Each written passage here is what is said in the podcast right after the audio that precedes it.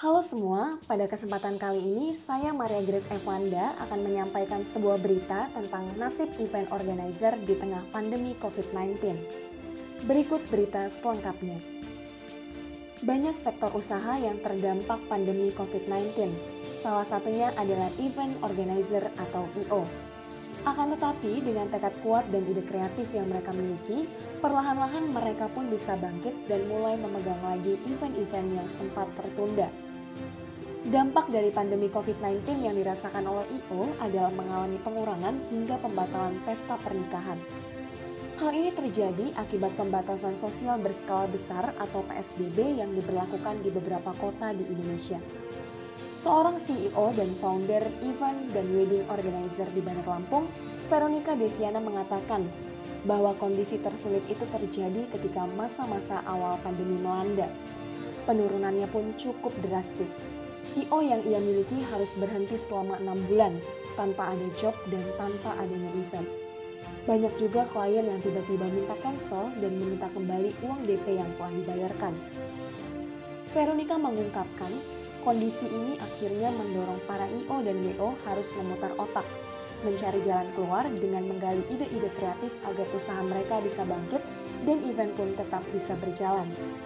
Event organizer yang dimiliki oleh Veronica yang tadinya hanya fokus ke acara Sweet Seventeen akhirnya memutuskan untuk memperluas haluannya dengan mulai memegang acara-acara wedding yang banyak tertunda.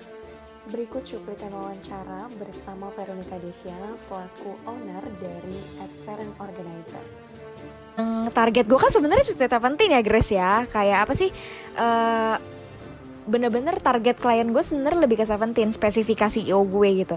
Jadi kan yang Seventeen juga ngeliatnya eh udah jalan nih mau juga dong kayak gitu. Jadi gue menyiasati untuk kayak gue cari celah dulu deh gimana caranya gue bisa jalan. Ya udah gue jalanin sih event apa yang bisa gue jadiin mempromosikan uh, WO atau IO gue.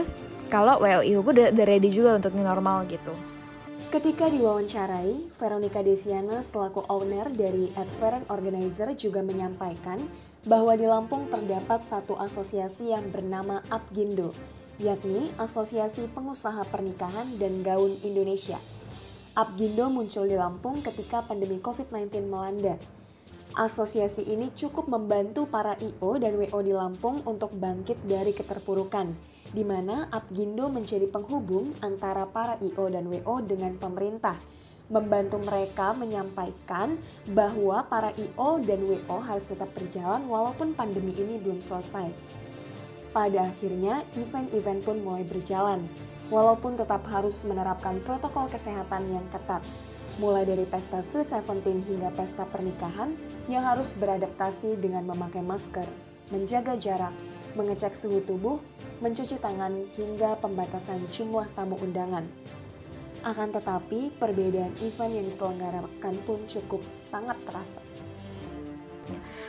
Perbedaannya bener-bener kerasa banget. Kalau misalkan sebelum COVID, itu gue bisa bikin acara yang gede-gedean banget yang tamunya banyak yang gamesnya seru-seru lah yang kayaknya kita lebih in touch banget yang lebih intens yang lebih intimate gitu-gitu ya sekarang udah nggak bisa lagi gitu loh Perbedaan yang pertama dapat dilihat dari jumlah tamu undangan.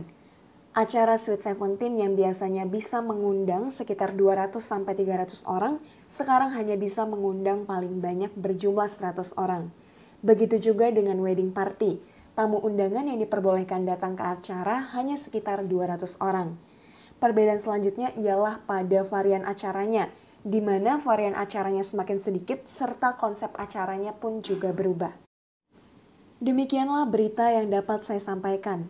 Nantikan berita selanjutnya. Saya Maria Grace Evanda pamit. Sampai jumpa dan salam sehat selalu.